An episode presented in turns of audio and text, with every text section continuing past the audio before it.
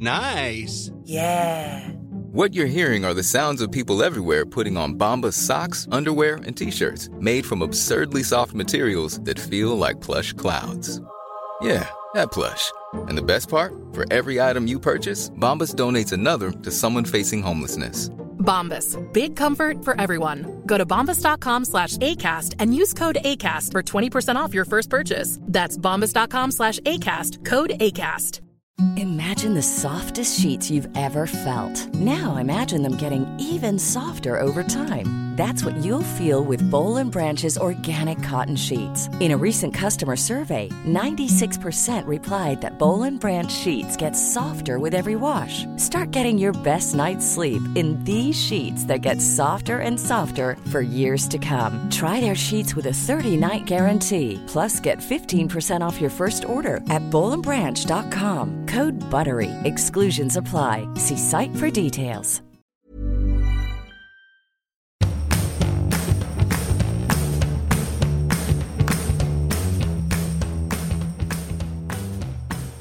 Är så sur alltså. Vet du, för, vet du, får jag bara säga en sak? Liksom. Det är måndag hela veckan. Vi har gjort det här i fem år. Och varje gång vi ska podda, så, när du ska podda på distans, då är det liksom något knas. Och då har inte du förberett det här knaset, fast du har känt till det en vecka. Och du tror ju liksom att den här strutsningen som du håller på med är något liksom eh, som räddar dig på något sätt. Men det är ju 100% ineffektivt. För det som hände för mig, det är ju att så här, du fuckar ju med min tid. Det vill säga att jag har ju grejer att göra efter det här. Så att nu har det tagit 45 minuter av vår poddtid när det strulet har varit. Det betyder att jag kommer behöva ringa de som jag ska till sen och säga så här, hej jag kommer bli försenad på grund av det här. Vilket betyder att de i sin tur måste ringa till de som de har möte med sen. Ja, så ke- kedjeeffekten är liksom enorm. Så det enda jag hade liksom blivit glad för just nu det är att få liksom, hej vi poddar om 45 minuter, då har jag löst det. Bra, då hinner jag städa undan en massa grejer som gör att jag kan förkorta min tid som nu läggs på efter det här till sen. Förstår du min aspekt ur det hela?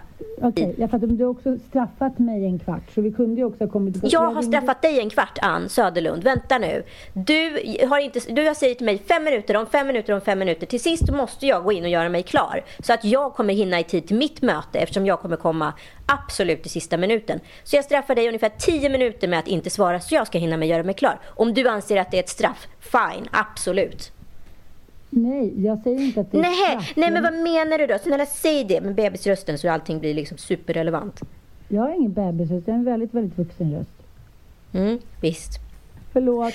Okej, men jag är så jävla Okej. trött på dig. Det kan inte vara så här fem år senare. Jag blir galen.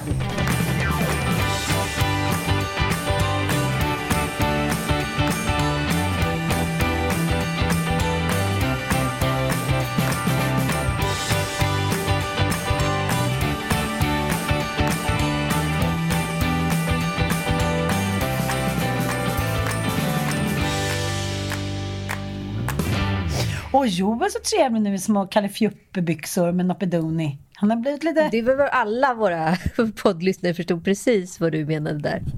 Nej, men det är ändå roligt. Det är ändå roligt hur saker och ting blir naturligt när man går hemma mycket. Nu Ja. menar inte jag att man går utan under- underkläder och sådär. Men din man har ju nu små, vad ska man säga, träningskalsonger. Träningskalsonger, du menar, du menar tights? Man tights.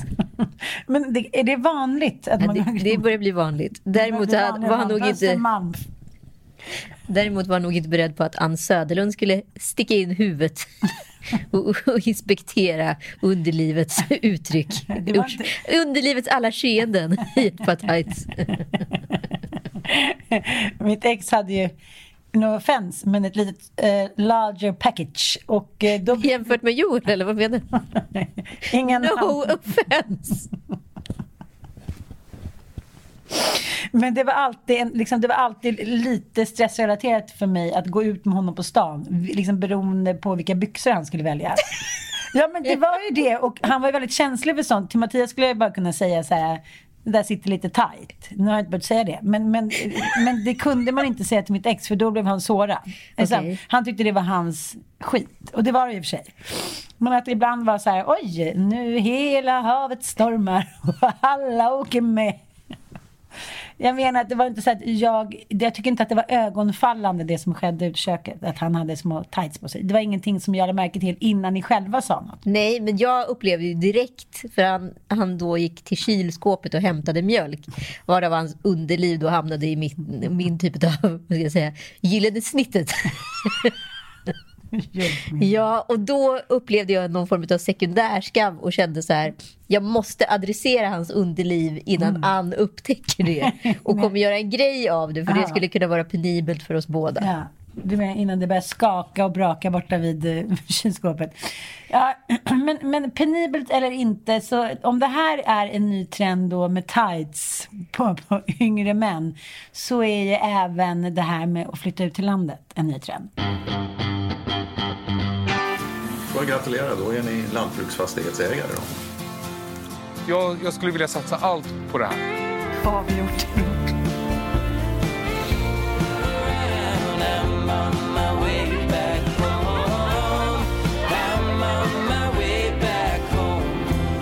Shit, kan vi ha en gård? Ja!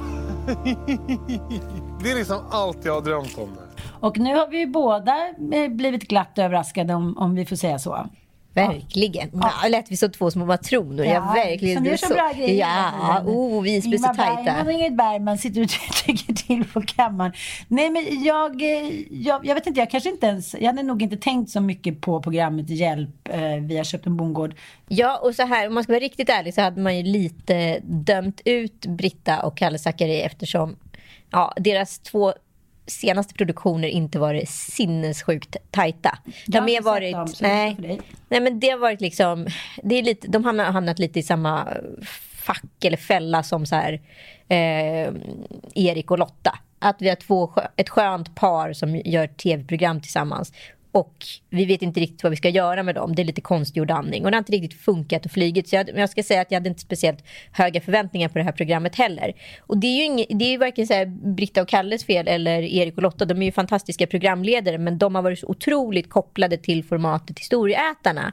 Och därför blir det också svårt att sätta in dem i något annat format på något sätt. För att i Historieätarna så är det liksom Ja men du vet, det är 100% i kemi på hela grejen. Men det har inte flygit riktigt i de andra grejerna. Och sen så är ju problemet att eh, man inte vill hamna och bli samma karaktär hela tiden. Så jag förstår ju deras strävan i att vilja göra något annat. Det är precis som skådisarna i Solsidan var tvungna att eh, ja, stänga ner själva programserien under 5-6 år. För att de vill, ja, Josefin Bornebusch vill inte bli Mickan. Hon har en annan, eh, vänta. Hon har en annan, vad heter det, spännvidd. Mm. Ja, det har hon verkligen visat. Nej, men det som jag tycker är eh, hela behållningen med serien är ju faktiskt att de känns så jävla autentiska. Sen hjälper det ju till att Britta har dialekt. Hon blir på smällen. Eh, Kalle är stor och stark och gillar att ta i. Alltså, de är liksom jämlika. Det känns som att de skulle kunna dra till USA och klara sig med några misstag på vägen. Så det känns inte spelat. Och det är det som kanske har hänt med de andra serierna.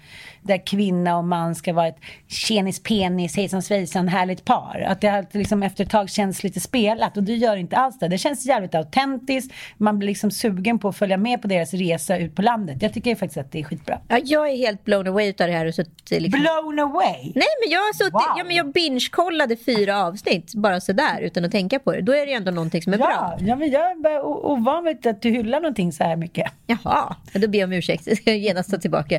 Nej, men, men det jag också skönjer är ju en ny form av tv-trend. Den är otroligt liksom, autentiska, reella. Alltså vet hon Marie som du känner lite grann? Olsson Nylander. Ja, eh, som stack till Italien och byggde hus, eller byggde, köpte ett knasigt ruckel och liksom skapade ett palats. Eh, och där handlade ju själva dokumenteringen egentligen om deras relation, alla motgångar, alla eh, hinder och så vidare. Och Så ja, det blev ju fint, men det blev kanske inte så fint som man hade, hon hade sett från början. Förstår du? Men Jag tror också att det är lika delar att man så här, själv vill köpa ett palats på 400 kvadrat eller en bondgård som är ett ruckel. Men jag tror också mycket handlar om att, att det blir en stor kvinnlig publik för att man vill att en snubbe ska säga okej till vilken liksom galen idé man än har. Om man nu har en dröm att ha ett rosa palats på liksom 850 kvadrat på Sicilien, då är det jävligt få män som skulle säga så här: okej, okay, jag packar bilen och tar med mig Kalle och drar vidare. Men de här männen gör det. Och det är otroligt. Och de är liksom glada och de verkar vilja ligga och de, liksom, eh, de är gulliga mot barnen. De verkar ha, vad ska man säga, ett, en utvandrarmentalitet. Precis. De enda jag tänkt på i programmet är faktiskt så här, de här kanske inte har så jättekul i det här projektet. Det var ju faktiskt barnen. men de... Barnen har aldrig kul i sådana här projekt. Nej, men alltså, de stod ändå ut. Den där lilla tjejen som då började som någon form av toddler på blöjbarn och sen var liksom en stor tjej när projektet var klart. Det var ändå fint att se. Ja, men man får ju också följa som att de är utvandrare, förstår du vad jag menar? Ja. Och att de skapar sig ett nytt liv. Det kanske inte alltid blev som de trodde eller blev bättre, men de vågade i alla fall. Det är inte guldet blev till sand, men guldet kanske inte blev till guld. Nej, men vi pratade om det där innan, att det är ju en ny gröna vågen-trend, men att man kanske inte behöver vara så här man behöver inte göra någon politisk revolt, man behöver inte så här, röka Maja, man behöver inte kunna allting om spagettipumper. Man kan bara känna så här... Man behöver inte ligga med alla och allt hela tiden. Nej, den är i och för sig skön. Det är där jag har gått bet. Spexarfest med Ann Söderlund. Nej, men det, det, finns ju någonting, om man kollar på den här filmen Tillsammans till exempel, mm. Lukas Moodyssons ja, mästerverk måste man ja, säga. det är otroligt. Eh, den såg jag tillsammans med min ex-svärmor och eh, som då gjorde revolt mot medelklassen under liksom 70-talet och eh, flyttade upp till en gård i, eh, i Norrland och levde det här livet tillsammans med, med familjen Taikon på samma gata. Och så, här. och så när man kollar på de där bilderna så är det ju som en sån, vad ska man säga, bildskatt där mitt ex är, rider på en get och drar omkring där liksom utan kläder och färga garn. Det är liksom, man kan inte förstå att det hände. Från 60 till 70-talet så gick de från så här, ja, men välkammade Beatles-frisyrer till så här, politiska hippie-ufon liksom. Ja, alltså de var ju som Bockarna Bruse och Trollet i ett liksom. Ja, men då, då säger ju eh, Anna Lundqvist, liksom, hennes karaktär, det går ju väldigt mycket på den här fria kärleken. Och hennes kille då, Gustav Hammarsten, han är liksom inte inne på det Jag tror inte det var så himla många som var inne på det men det var tidens rådande ideal. Och så kan det ju vara nu med, att man, man vågar inte säga nej för att man är rädd att hamna utanför gruppen och det är det värsta som kan ske. Ja, men så ligger Anja och hånglar med en ung Olle Sarri. Precis, och han är ju, vad är han? Han är bolsjevik eller vad är han? Ja, och han vill ju bara prata så här ideal och Marx och hit och dit. Och hon vill ju bara ligga. Och så finns det en scen där hon går ut till Gustav för att han, han får skuldkänslor för Göran då som Gustavs eh, karaktär heter. Så hon, hon säger ja men jag går ut och frågar då. Ja, ja men det, det, vill du det? Ja, det vill jag. Han är lite ledsen också. Ja men, ja, jo, men du kan... Tack, jag älskar dig. Och, och precis där också min ex-svärmor berättat att så kände hon också.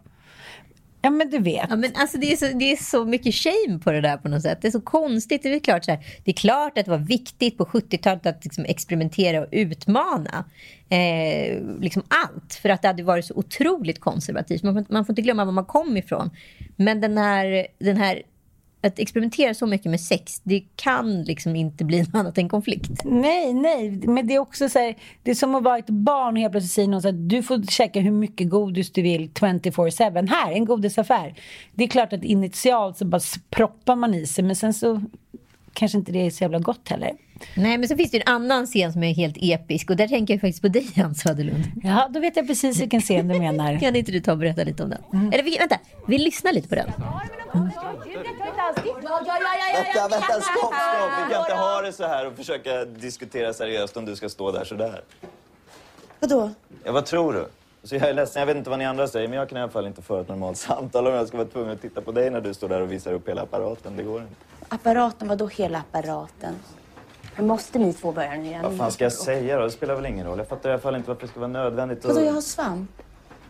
Anna. Jag skiter i vad du har, Anna. Men man, man får inte ha tätt åtsittande kläder. Jag bryr mig inte om de medicinska förklaringarna. Man måste ha luft. Ja, ja. Du, det är ingen som Det här är, är också någonting som jag trodde var så extremt överdrivet tills jag pratade med min svärmor. Jag var tvungen att prata till din svärmor. Du kunde inte bara kolla på dig själv och tittat på din, din yngsting som alltid bara bär tröja och ingenting på underlivet. Ja, men, eller också han helt naken. Men jag tycker han har skärpt till sig lite nu. Nu kör han ändå Ankeborg. piké. Ja.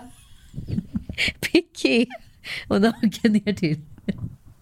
Men det är ändå- Många roliga studenttal till honom. Det är ändå väldigt mycket Ankeborg. För er som inte vet vad Ankeborg är så är det knattarnas hemvist. och Kalle Anka. Ah, herregud. Nej men 70-talet det var ju liksom mycket fint men, men det, är så här, det är ofta så när det sker en liksom, revolution. Det var ju, nu framstår det som att hela Nu befolkningen... tycker jag du flyttar ämnet lite. Jag, för jag har ju nämligen en liten anekdot på det här. Eller ankedot som du föredrar Som vi säger i. Ankeborg. Jag är ju alltså på Gotland med Ann. Vi ska göra någon inspelning, oklart för vad. någon typ av samarbete som du har kokat ihop. Eh, och eh, ja, jag står liksom och för en konversation med henne ganska länge till kvinnan vänder sig om. Och jag inser att det där är ju faktiskt enda lykten som är blottad. Det betyder att hon inte har någonting på framstjärten heller. och då hade du bara stått i tröja. och med bart underliv kanske ja, en kvart i alla fall. Ja, men du lägger ju inte, lägger inte märke till, till små säga. Det var ju alltså ett sovlinne. Ja, men okej. Så det förklarar ändå att du ska springa runt som en ankeborgare. Men det här att folk ska ligga med tajta små trosor och tajta kallefjupper. Hur kan du flytta, hur kan du flytta fokus Nej, från det här inte. Det är svampimuttan? inte bra för Pullerulli och Snoppedoni. Mattias då, om vi till exempel har sex, då går han upp och klär på sig kalsongerna. Ja, men det gör ju alla killar. Men varför? Men vad då ligger du kvar i slafset? Nej, det är klart att jag går upp och duschar av mig, men det är inte så att då sätter jag på mig de gamla trosorna och går och ligger med, som, med faster Agda. Varför ska man stänga Vänta, in saker? Mattias var ju inte på Gotland och ni hade inte haft sex. Du bara gick runt lite Ankeborg och nu rättfärdigar det som jag försöker lägga över det på mig. Jag lägger över på dig. Jag tycker det är ganska o... Jag håller med Ola Rapaces karaktär här, att det är ganska ouppfostrat att springa runt och med bart underliv. Man försöker föra en dialog med dig. Nej, men jag måste ändå eh, gå tillbaka till den här nya gröna vågen. För att det handlar ju om, och det sker ju verkligen nu, det ligger verkligen i tiden. De hade ju flyt, Britta och Kalle. Jag vet inte hur många kompisar jag hör som säger så här, men man börjar ju undra nu vad man lever för liv och jag bara längtar ut till naturen och ska man verkligen bo i stan? Och sånt sker ju alltid. att man börjar se över liksom sin situation i kriser. Om typ ett halvår kommer ju inte en jävel kanske tänka så. Men, men det verkar ju ändå vara en trend att så här, vad fan, vi lever det här korta livet och gud är ju mer död än någonsin liksom. Man måste ju bara våga hitta på lite grejer. Jag tror att det handlar mycket om det också liksom. Ja, men sen, sen kan jag ju tycka att det finns något, om vi nu pratar om gröna vågen som version 1.0 och det här som gröna vågen version 2.0, då kan jag uppleva att det finns ändå ett kretslopp i det här. Det finns något holistiskt för att om man nu är som om man nu var gröna vågen 1.0, då kun, när du väl hade satt dig på landet då gjorde du barn och så kom du inte därifrån. Det, var ingen, det var ett projekt att åka upp till Stockholm och det krävs planering, effort och tid. Och det var inte så att du någonsin kanske kom utomlands om du inte separerade och så vidare. I den här situationen så kan ju faktiskt eh, Kalle och Britta åka på um, charter för att här skulle ju ändå typ ett glatt gäng stockholmare, typ som du och jag, kunna låna deras gård i en vecka med något enklare typ av coaching. Hur man tar hand om boskap. Och de kan också fortsätta sitt liksom, normala Stockholmsliv en weekend eller en vecka utan att det ska tära och gården ska gå sönder. Får väldigt mycket bilder eh, upp i mitt huvud nu. Eh, det finns, I ett avsnitt så köper ju de får som rymmer hela Ja. tiden. Och man ser den här stora så här, Kalle Zackari, två meter, bär på de här fåren hit och dit. Jag bara undrar om du och jag satt där med kanske några pilleknarkare och ett, en flaska vin utan barn. Jag vet inte. Vad vi- menar du med pilleknarkare? Ja, men lite Sigge-Pillis. Men jag, jag menar bara så här, om den här fåren skulle rymma klockan 12 på natten för tredje kvällen i rad, skulle det inte vara så här äh, run Forest run då? Skulle vi orka? Skulle vi orka en, ens en vecka? Ja, men, men med lite vin innanför västen så hade vi nog gett oss ut på en fårjakt. kan! och sen hade jag ridit på baggen hem. Det hade du i och för sig. Ingen hade blivit förvånad.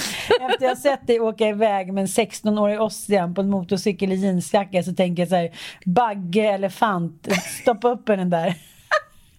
Då jag trodde att jag, jag såg mina barn i, i så här, flimra förbi. Det var så här, jag visste att jag skulle dö där och då. Jag hade fått begrava dig på gården. Ja, du hade inte sagt något. Du hade gjort som Tom Hagen. Fan vad hemskt. Ja. Men jag tänker på det där med djur också. Hur allting har förändrats. Inte bara nu utan de senaste, vad ska jag säga, 15 åren. För Frasse hittade ju en bild på mig där jag simmar med delfiner i Mexiko. Oj. Åh, vad fint. Mamma simmar med delfiner. Ska vi, Pappa, har du simmat med valar? sa Bobo. Då kände jag så här, nej men alltså hela den där, alla de där bilderna måste ju nu tas bort och brännas upp ur albumen. Varför skulle du vara så dramatisk? Är det inte tidsdokument?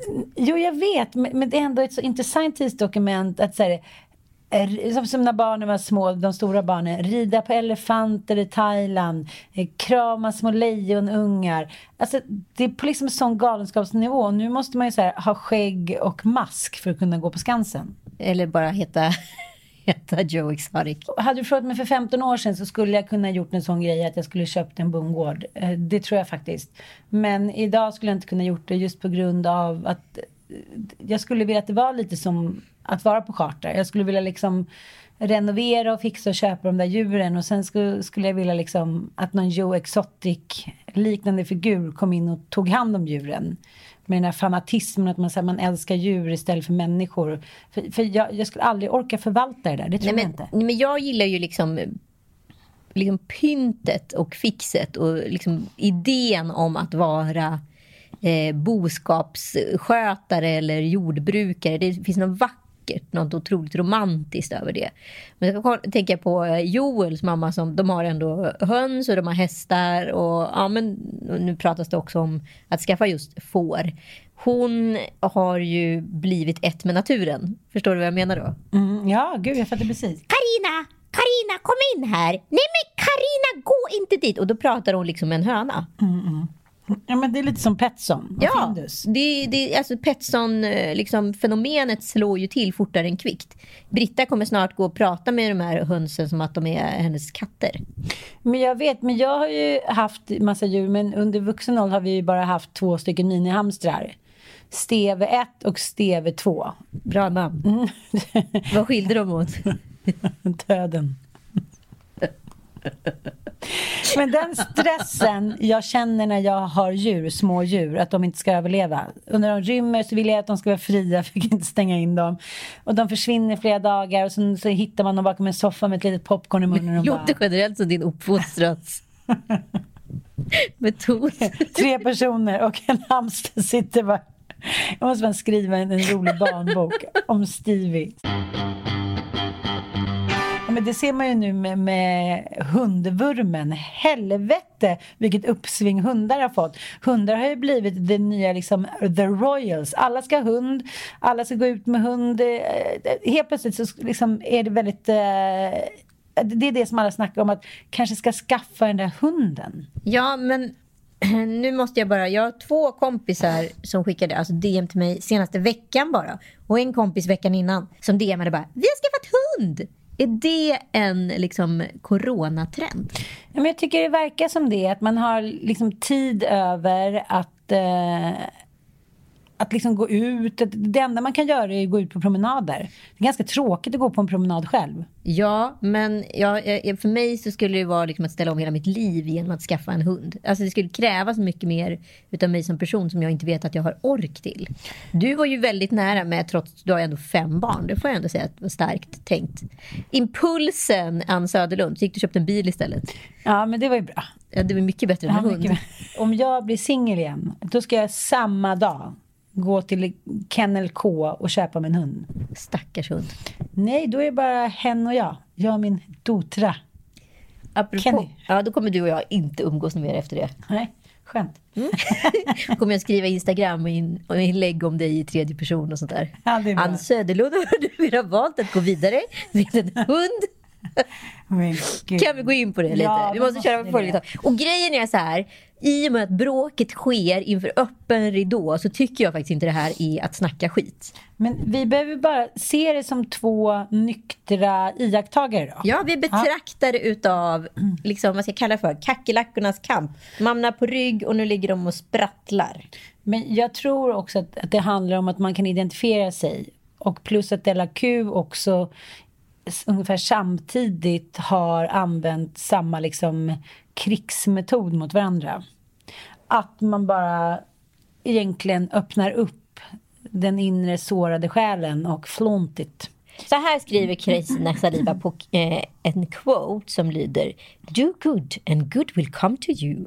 Min kompass, mina värderingar, mitt sätt att se på världen men framförallt mina relationer. Man ska inte baktala, inte prata osanning, inte ta heder ur människor. Hylla det som hyllas ska. Men det där känns ju som en gammal 1700-tals quote. Att så här, Gud kommer minsann straffa den som syndar. Camilla går ju mer in på business på sin Insta. Och eh, ja, men liksom förklarar att hon har blivit förd bakom ljuset då när det gäller de här coronatesterna som Hedda Care har. Så hon, hon Jag tycker det är så spännande med människor som då är delägare. Och när, ja, ja, det, här, det här fenomenet se- ser man ju ganska ofta, måste jag säga, när det handlar till om att liksom eh, fäkta eller fly. Att så här, jag var oinformerad. Till och med så informationschefer på stora bolag använder Nej men jag har varit oinformerad. om detta." Fast det är ju ditt jobb. Du är informationschef eller du är kommunikationschef. Du om någon ska väl veta, känna till det. Eller du var VD. Det är du som har skrivit på de här papperna. Ja, jag har inte fått information om det här. Nej.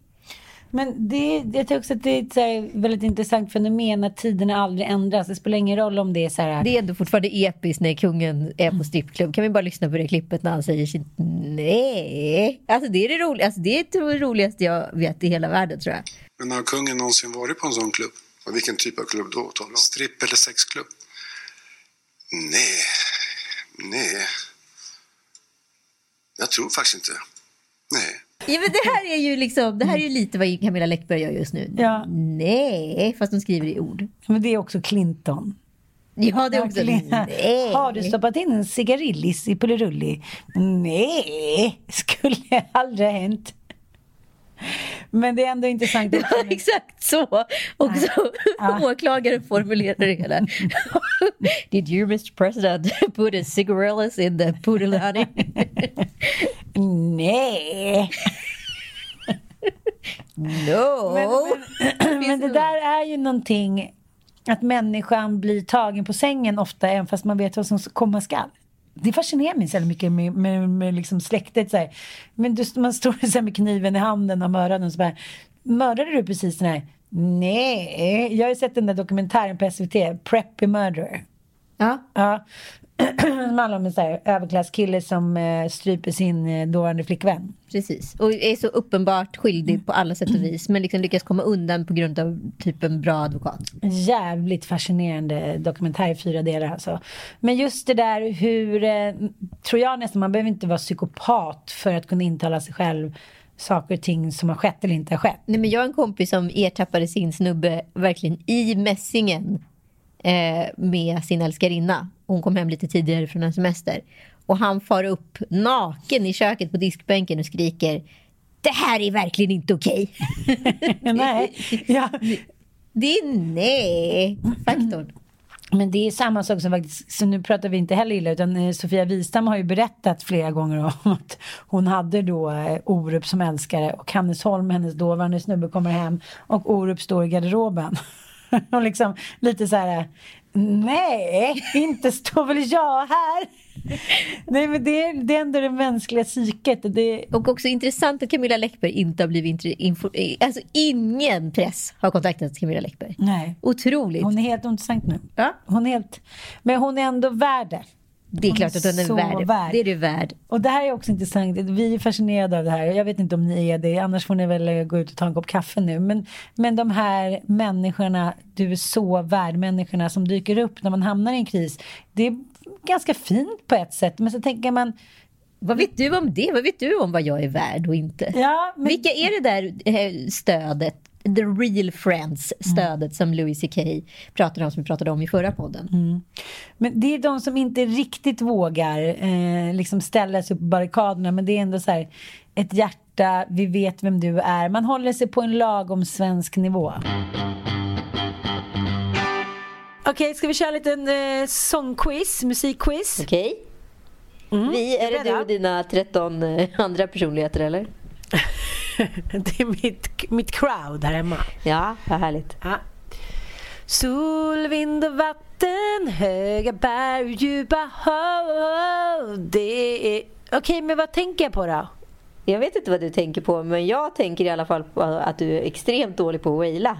Jag tänker på Enkla elbolaget såklart. Jaha, okej. Okay. Det är ju nämligen vår finfina samarbetspartner den här veckan. Precis, och de har ju tagit fram en elfond som heter Relaxa. Och den är ju så himla smart för att det är experter som köper upp den billigaste elen som vi då som konsumenter får köpa så vi kommer så billigt undan och slipper tänka på vad det ska stå i det där kuvertet som man öppnar. Det är alltid billigast. Ja men alltså så härligt. Jag har ju faktiskt kommit på att jag både sparar liksom massa stress, massa energi och massa onödigt med pengar.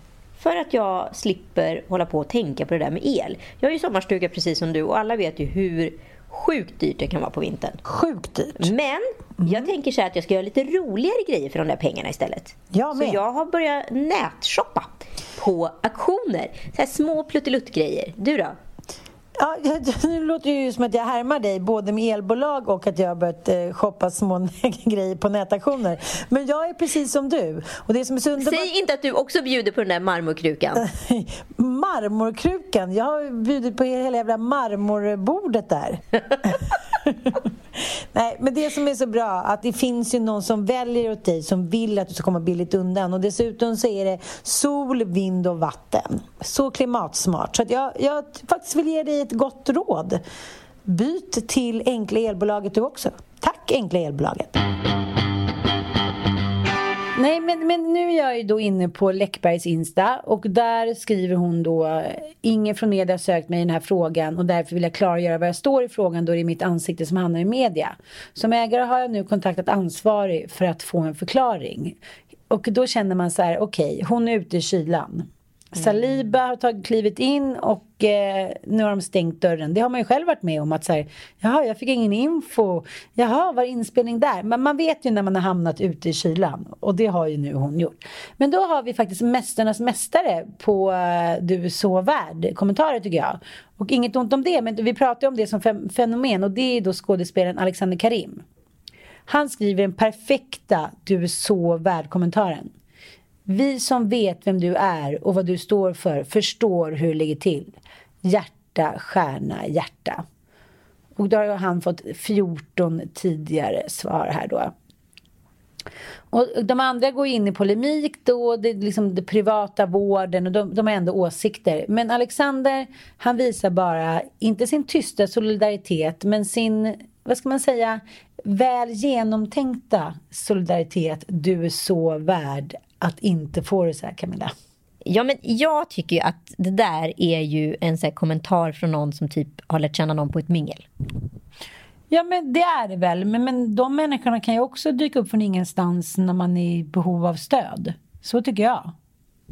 Nej men absolut, och det är så här, de där människorna finns ju där hela tiden och de har ju, fyller ju såklart en jättestor funktion för Camilla Läckberg just nu. Så Alexander Karimov kanske är en förträfflig person. Jag vet inte, förmodligen så är han det, jag känner inte honom. Men hans eh, liksom nyfunna eh, eufori i sociala medier är extremt eh, 2017. Ja, jag fattar. Ja. Men, men, jag tycker att hela, eh, vad ska jag säga, hela Instagram är ju just känslan av det. Man lägger upp en bild på sig själv och någon annan som kanske är lite mer känd. Alltså, ja, men som vi pratade om igår. Grattis på födelsedagen. Så varför lägger upp en bild där du var skitsnygg och hon såg ut som hej kom och hjälp mig. Eller Gwyneth Paltrow som hela tiden lägger ut bilder på Robert Downey Jr som är hennes bästa vän som hon älskar över hela sitt liv. Men han syns suddig, håller något tal och hon sitter liksom glad och nygift. Så det handlar ju också om en fåfäng grej att visa att man har de här och känner de här väldigt kända personerna. Ja, men eh, ja, exakt. Alltså det är ju att så här, säga grattis på födelsedagen och lägga upp sig på en bild med en selfie med en annan person som är eventuellt lite kändare, större och så vidare. Det är ju egentligen bara ett eget varumärkesbygge. Det finns ju inget intresse egentligen att hylla den personen. Man höjer ju bara sig själv. Det jag skulle komma till med Alexander Karim det är att så här, hans blogg på Aftonbladet är det värsta jag har läst. Han och hans frus blogg. I... She's back. From outer space. i mannaminne. Jag måste bara läsa en liten quote från den bloggen. Det här är deras liksom krönika som är Jaha. under kategorin family. Okay. Enastående, tålmodigt och äckligt entusiastiskt. Det är Daniel Tigers mamma. De har då gjort någon typ av psykoanalys på olika barnkaraktärer. Etta. Greta Gris. Om vi bortser från den enerverande titelmelodin Greta Gris eh, och kraftigt snark inåt som vi nynnar på i tid och otid så är den lilla grisfamiljen kanske sämsta representanterna för jämlikhet och progressivitet. Pappa Gris är historiens största mans bebis och morfar Gris är inte bättre. Man har oförbilligt börjat analysera mamma Gris medberoende och kommit fram till att hon aldrig har en chans stackarn. Men det med den manliga förebild kunde hon inte göra ett bättre val än pappa Gris och så vidare. Det är ju så knasigt. Det är så knasigt och det känns så 2017 så att jag, jag får ju lite panik. Jo, men man ser mycket det här nu i media för att vi ska känna oss trygga. Men, men jag tycker också att det är, så här, det är ytterligheter, det finns inte längre någon median. Jag tänkte igår så läste om den här 90 92-åriga kvinnan som hotade hemtjänsten med kniv. På något sätt tycker jag att det är upplyftande. Jag vet, jag blev också så otroligt lycklig när jag läste den. Fan vad taskigt. Polisen rubricerar ärendet som olaga hot. Okej, gör det då. Jag vet inte, det händer ändå saker. Alltså, man, man gör ju lite galna grejer. Men det som händer också, man märker att, vi, att människan har ett oändligt behov av att veta att det ska bli som förr. Om man till exempel kollar då på Instagram så är det alltså nerlusat med bilder från 80 och 90-tal och 70-tal där folk skriver så här, ja, här, så här såg jag ut och här är barnen när de var små. Vi är liksom rädda för, känns det som, att, så här, att den här tiden aldrig ska komma tillbaka. Vi Ja, måste liksom fylla på oss med bilderna när allting var som vanligt inom citationstecken. Men jag tänker att det här är en form av ångest. En eh, sjukvårdsångest. Det är ju intressant, jag pratade med en hälsomänniska för ett tag sedan och eh, framtidens, alltså den första 200-åringen är ju född nu och så vidare. Och det betyder ju att vi kommer ju vara ungefär som 40 när vi är 100. Och då finns det ju inte så att det kommer finnas hjärt och kärlsjukdomar eller problematik eller diabetes och så vidare. Utan framtiden kommer ju inte handla så mycket om sjukvård, utan den kommer ju handla om friskvård. Och då handlar det väldigt mycket om vad vi sätter i oss för mat och hur vi förhåller oss till oss själva och vår omgivning och på vilket sätt vi tar hand om oss. Och liksom, ja, vad man än må tycka om body positive så kommer ju det vara ett ifrågasatt ideal om sådär 30 år. Mm, mm, ja. Men, det handlar om samma sak här, att så här, känslan av att man får gå in i en godisaffär och allt är möjligt och allt är okej liksom. Men jag tror också att det handlar om, om vi nu ska försöka knyta ihop säcken med kvinnor, 70-talskvinnor versus till exempel 80-talskvinnor då, eh, som de här senaste bråken har handlat om, så ser man ju fortfarande, tycker jag, en Ja, till och med 90-talskvinnor. Ja, man ser en tydlig vattendelare ändå. Saliba och, eh, och Läckberg uppfostrade i sand, du äter upp eh, maten, rak i ryggen, hel och ren anda. De pratar ändå om sig själva i dechiffrering eller tredje person. Men om vi till exempel tar Della Q så är det liksom Förresten är hon med barn. Eh, hon, är liksom, hon är ätstörd. Man går direkt på den, eh, liksom, vad ska man säga, de klassiska kvinnliga... Hudens kärna. Ja, de kvinnliga sk- skamattributen. Precis, som de konservativa kvinnor de då framstår sig själva att vara så måste man ju ändå ge dem att de råkar lika konservativt. Precis, men, men det handlar ju om tror jag att, att vi också fick så jävla mycket skit att slänga av sleven under metoo. Too, var ju också att vi har ju hela tiden, vi har suttit på våra höga hästar för länge. Ja men gud ja, alltså, vi har ju gett de här kvinnorna så mycket skit. Det här var ju en revolution. Det här var ju Le Miserable som liksom ställde sig upp på barrikaderna och sa så här, vet hut till oss. Och skrämde oss ner i något litet dike som trollet under bron till Bockarna Bruse. Och där satt vi i vårt gryt ganska länge innan vi började titta upp våra fula nyllen. Och eh, jag, jag har för mig att vi i flera poddar har sagt att det kommer ju inga bakom oss så att vi får väl fortsätta då. leda, leda liksom föra skutan. De kan inte jobba, de har ingen arbetsmoral. Precis, slöfockarna, slöfockarnas IF. Ska vi ta ett glas till? nej, men, nej, men så det har handlat om att vi har haft, varit i en position där vi har varit ohotade och då blir man ju också trött. Och, Mätt. Det är ju det här det är kreativa hjulet. Först är man, när man är mellan klockan eh, vad ska jag säga, ett och klockan sex, då är man som mest produktiv. Det är då som mm. mest händer. Mm. Sen kommer liksom uppsvingen fram till klockan åtta på kvällen.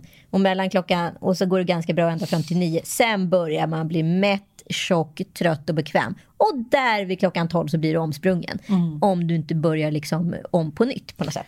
Men jag tror att det var Moa Wallin också från Della Q som sa så här, men anledningen till att vi inte liksom lyssnar på 70-talisterna är att vi tycker att de verkar ha så tråkiga liv. Så jag kan tycka ändå på något sätt, lite om man, om man ska dra en parallell till akademin, så var det så här, alla jävlar 70-talet och neråt har suttit och varit mätta belåtna i efterkrigstidens liksom bleka nylle. Så det har ändå på något sätt varit bra att grytan har rörts om. För det har kommit fram väldigt mycket bra. Kreativ, humor, eh, företag. Alltså, det känns som det ändå exploderat efter metoo. Och det har ju inte berott bara på själva kärnämnet utan det har liksom skakat om på något sätt. Ja men precis som corona skakar om mycket av den extremt ytliga diskussion eller småaktighet vi liksom haft under ganska lång tid. Vi har varit nere på extrema millimeternivåer, i alla fall i sociala mediebråk och så vidare. Det är diskussionen i diskussionen i diskussionen och där i ligger konflikten om man förstår liksom inte vad var det som hände? Det är lite som ett så här äktenskapsbråk hemma. Du vet. Man börjar tjafsa om så här, varför riset brände fast och sen slutar det med att så här, jag hatar din svärmor. Ja. och dig. Och dig. Mm. ja, nej, men så har det ju varit. Men nu ska vi lämna detta raskt för att kasta oss in i några glada frågor vi har fått. Vi väljer ut ett eh, par frågor här. Och nej. så svarar vi. Jo, okay, vi har så mycket att göra, Ann Söderlund. Ja. Mm.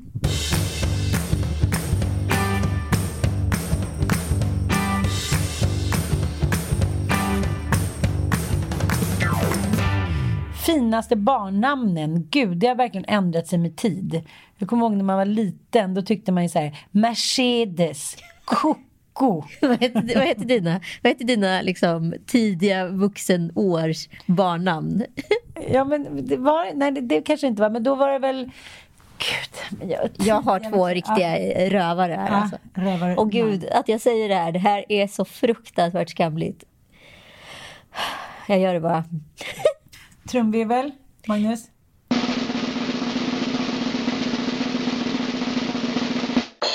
Alita Dolores. Men vadå doppelnamn? Ja, alltid doppelnamn. Alexis Talula. Okej. Okay. Eh, Demi Moore ringde och ville ha det var de finaste flicknamnen jag kunde tänka mig. Men hur kan du ens minnas de här rövnamnen? Nej, men för att de var så röviga. Jussis Talua, eller vad sa du? Alexis Talua. Ja, men jag hade i och för sig lite sån här uh, Mo. jag hade Bo ett tag hade jag, som hade tjejnamn. Ja, men ja, det, är, det, är fortfarande fint. Ja, det skulle jag det är lätt bästa. ha tagit. Bo och Bo Kate. Enberg. Bo Enberg. men, uh, Bo och Ben, hur fint? Jag älskar namnet Ben. Det har jag försökt få igenom under mm. många år nu. Jag försökte ju få Katrin Zytomierska att döpa Falke till, eh, till Ben. Men Ben är ju ett av de finaste namnen. Det är så perfekt. Det har namnet B, eller bokstaven... Namnet B! namnet B, den nya operativa filmen. Men, men eh, jag ville ha Ben, men det blev Bobo. Ja. det är lite, jag älskar bokstaven B. B är väldigt den är, fint. Och den är väldigt liksom Bibi. snygg. Ja, Bibi också oh. världens gulligaste namn. Men det var ju ett namn som man kanske när man var liten tänkte... Tänk dig att du haft en tjej Bibi och Bobo. Hur gulligt? Ja, men min, eh, min jag ska, jag ska rub it in lite mer. Min guddotter heter ju Bibi. Ja. Jag älskar ju Bo och Kate. Kate? Mm, Kate. Men tänk dig att det svenska uttalet på Kate är så jävla Kate. Nej men Kate. K-I K-E-J-T. Rent fonetiskt. Kate. Jag tycker det är så gulligt. Ja, jag älskar eh, namnet Sally. Det hade jag döpt min dotter till tror jag. Mm. Sally Bo. Ja, fint ju. Tack. Dubbelnamn. Kanske blir den sista. Eller så blir det Jag undrar om jag skulle kunna bli på smällen nu. Händer med min och Malins podd? Vill ha båda. Gud vad gulligt. Så här är det. Vi höll på faktiskt att signa med våra nya poddhostar. Sen kom corona. Och nu har vi bestämt oss för att posta den här eh, podden till hösten. Dels för att jag hoppar på ett ganska stort jobb som tar all min tid i princip. Så jag har faktiskt bara tid att göra en podd just nu. Ja, det har du verkligen. För vi har ju tre poddar varje, varje gång vi poddar. Det har börjat blivit en... Vi är nere på en tim, en timlöning på 40-talet. Ja. Sådär, vad är nästa fråga jag får fråga? Vad tycker ni om att tjejer pratar så mycket skit bakom ryggen på varandra och varför? Undrar Fråga Sofia. Anita, fråga Anita. Fråga an, fråga an. Det, det bästa är ju att ringa till Sanna Lundell. Och så, vi, vi har väl båda vår debrief session med Sanna Lundell då och då när vi inte står ut med varandra längre. Ja. Nej, men jag, jag, jag tror också att om man har en stadig klippa i mitten som vet att, att, att det finns en äkta kärlek där då tycker jag att man, man, man snackar på lite. Det tycker jag med. Man, man behöver ju det. Jag är helt, jag är helt okej med att du bara flåntar mig för Sanna Lundell. Tid. Nästa fråga. Tvärtom hoppas jag. Kan ni prata om skönhet och tränande? Absolut, det är mina två favoritämnen. Och, eh, jag har börjat cykla Varför finns det inte hur mycket sådana poddar som helst? Jo, men vi kan ändå svara på våra... Vi, någonting måste vi svara på. Jag har börjat cykla mycket. Jag har köpt nya träningskläder. Det påverkar ju mer än vad man tror. Att man inte Men springer alltså, runt i hur- gamla noppibrallor. Nej men vadå, du har ju gått i tights sen för fan Bobo föddes. Ja, men nu har jag nya röda tights. Okej, fint. Tomtemor. Mina tre bästa skönhetstips då. Eh, fixa ögonbrynen. Ja, men det är ju verkligen... Det är ett lyft i ditt ansikte sen du gjorde det. Men det är Du kunde se ut som, eh, du kunde se ut som raggatussen innan. Vem är det? Din Det, det, det, från det, det är en släkting till din mutta.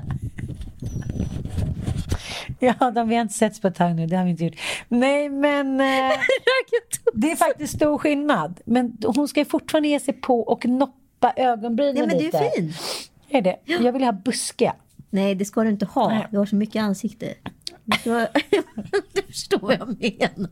Du har mycket näsa, du har mycket mun. Alltså du har ju mycket. Då skulle du inte ha jätte två stora jävla lakritssträngar där eller. Regnsniglar som ligger på. Det går inte. Ja, och sen eh, inte röka verkar vara bra. Vänta, vänta, vänta. vänta. Så dina tre skönhetstips Jag har är sagt ett, två bara. Röda, röda tights. tights och inte röka. Du har ju sagt ögonbryn också, buskiga ögonbryn. Men vad är det här? Med röda tights, buskiga ögonbryn Ja, det- som inte röker. Ja, det- Okej, det blev mina tre. Nu är det dina tre. Jag måste bara hämta mig från det här.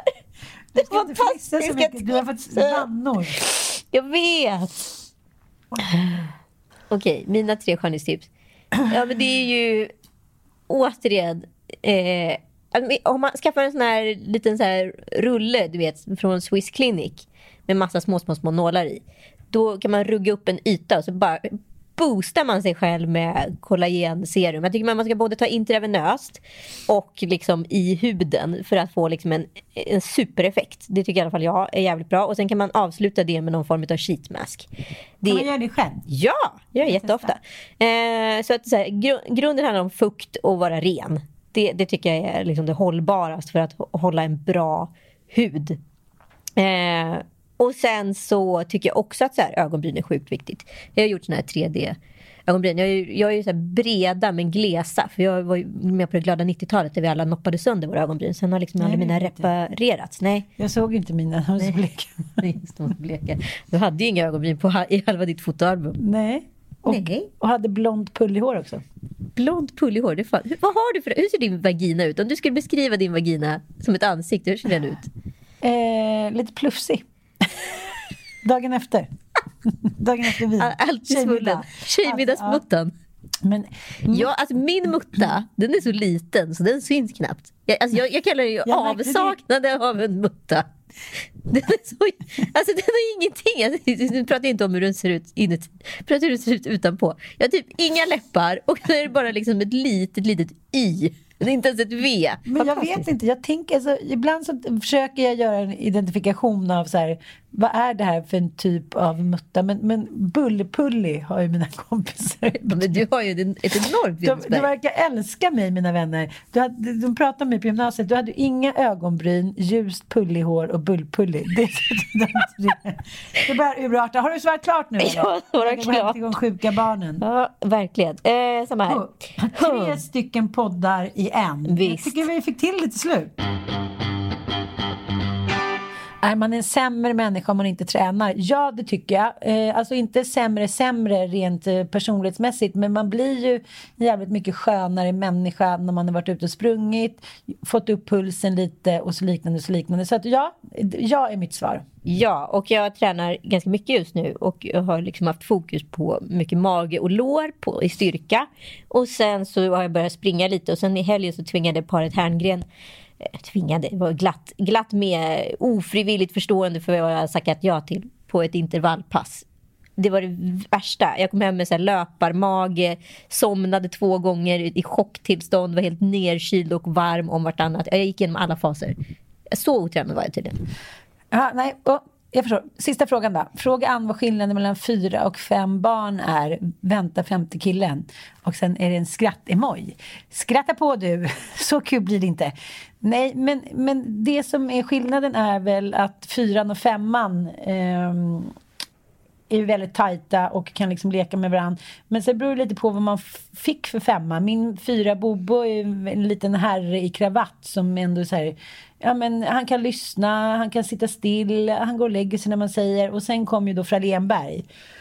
som är mer, som står upp när han äter, hoppar från olika höjder, tänder eld. Alltså en riktig vildbase. Så det blev ganska stor skillnad. Men, men som det är alltid så blev det också väldigt, väldigt mycket roligare. Så good luck baby. Ja, okej. Okay. Jag har två frågor kvar. Nu är snabba. Vad är ert värsta bråk? Ja, vi bråkar ju i den här podden. Ja, eh, och vem var först med att ringa den andra? Det är ändå intressant. Eh, vårt värsta bråk var ju under metoo-hetsen. Vi var jävligt hårt pressade båda två. Utifrån och så pressade vi varandra extremt mycket. Ja, alltså jag var det fanns ekonomisk press, fanns gud. bostadspress. Nej, det, var, och det fanns barnpress och eh, men det var så mycket press, relationspress. Så då hamnade vi i ett jävligt stort bråk eh, en dag där vi faktiskt skrek både det ena och det andra till varandra. Och jag gick iväg va. Mm. Jag lämnade studion. Var det med? Hade vi med det i inspelningen? Nej, det hade vi inte. Nej. Men jag vet inte vem som ringde den andra. Jag tror ändå att det gick ganska snabbt. Du brukar vara ganska snabb på att skicka hjärtan. Ja, ja det kanske jag gjorde då. Jag kommer faktiskt inte ihåg. Om jag ska vara helt ärlig. Men det kanske var jag då. Ja, jag tror kan det vara du. Men, och då hade jag väl typ så här varit på gång att skriva någonting. Mm. Joel blir också extremt irriterad på mig när jag bråkar med dig. Eh, det skulle vara kul att veta era guilty pleasures. Eh, mat, musik, film, serier, crushes med mera. Jag har ju väldigt så här, guilty pleasures som typ eh, blir lite hand i mun. Typ så oj, en hotellnatt. Hotell. Nej, men, åh, gud vilken chocker. Det här är ingen av våra poddlyssnare räknat ut. Loppisar. Du har eh. inget svar på någon fråga. Mat, musik. Jag vet ja, inte vad loppisar går in. Nej, men alltså, jag tycker att det är så, så otroligt olika vilken känslostämning. Nu har vi haft en liten kris i vår relation. Då helt plötsligt börjar jag lyssna väldigt mycket på musik. Men musik när man är i kris är det bästa som finns. Ja, och alltså, det räddar en ju. Det är som musiken så här, kommer som en frälsning från ovan. Mat, absolut. Men liksom, jag känner inte att jag är någon frossare på något sätt. Jag är väldigt förtjust i chips och dipp och smågodis. Vinägerchips. Gott! Oh. Och tänkte du och jag nu Vinägerchips. på Mallis på stranden, lite vinägerchips och varsitt glas iskallt bubbel. Mm, och, sen, fem på mm, och, sen så, och sen så lite crème fraîche till det där med lite, med lite gräslök i. Oj, oh, för fasen. Ja, men vi är båda liksom, vi, vi är bra på att njuta av livet, tycker jag. Ja, men vi kan ju smånjuta också. Vi kan ju mm. hitta lyx i, i liksom en loppis. Ja, vi, vi kan faktiskt hitta lyx i det mesta. Som med iskallt kaffe. Nej, men jag tycker att det är därför jag också tror att jag tror att eh, vi tycker om att vara med varandra och även resa med varandra. Att, så här, du är min bästa respartner i ever. Ja, och du är min. Att vi säger, okej det kanske är lite stressigt, lite jobbigt just nu och nu blev någonting lite fel. Men tio minuter senare så är vi de mest harmoniska turturduvorna som sitter i solnedgången med, med 3000 kilo eh, köpt mat. Det blir lite fel där. Jag tror också att vi kan skratta åt nästan allt. Ja, och det är ju ändå det som är förlösande. Och tack kära lyssnare för att ni har lyssnat den här veckan. Vi hörs om en vecka. Puss och kram. Puss och kram.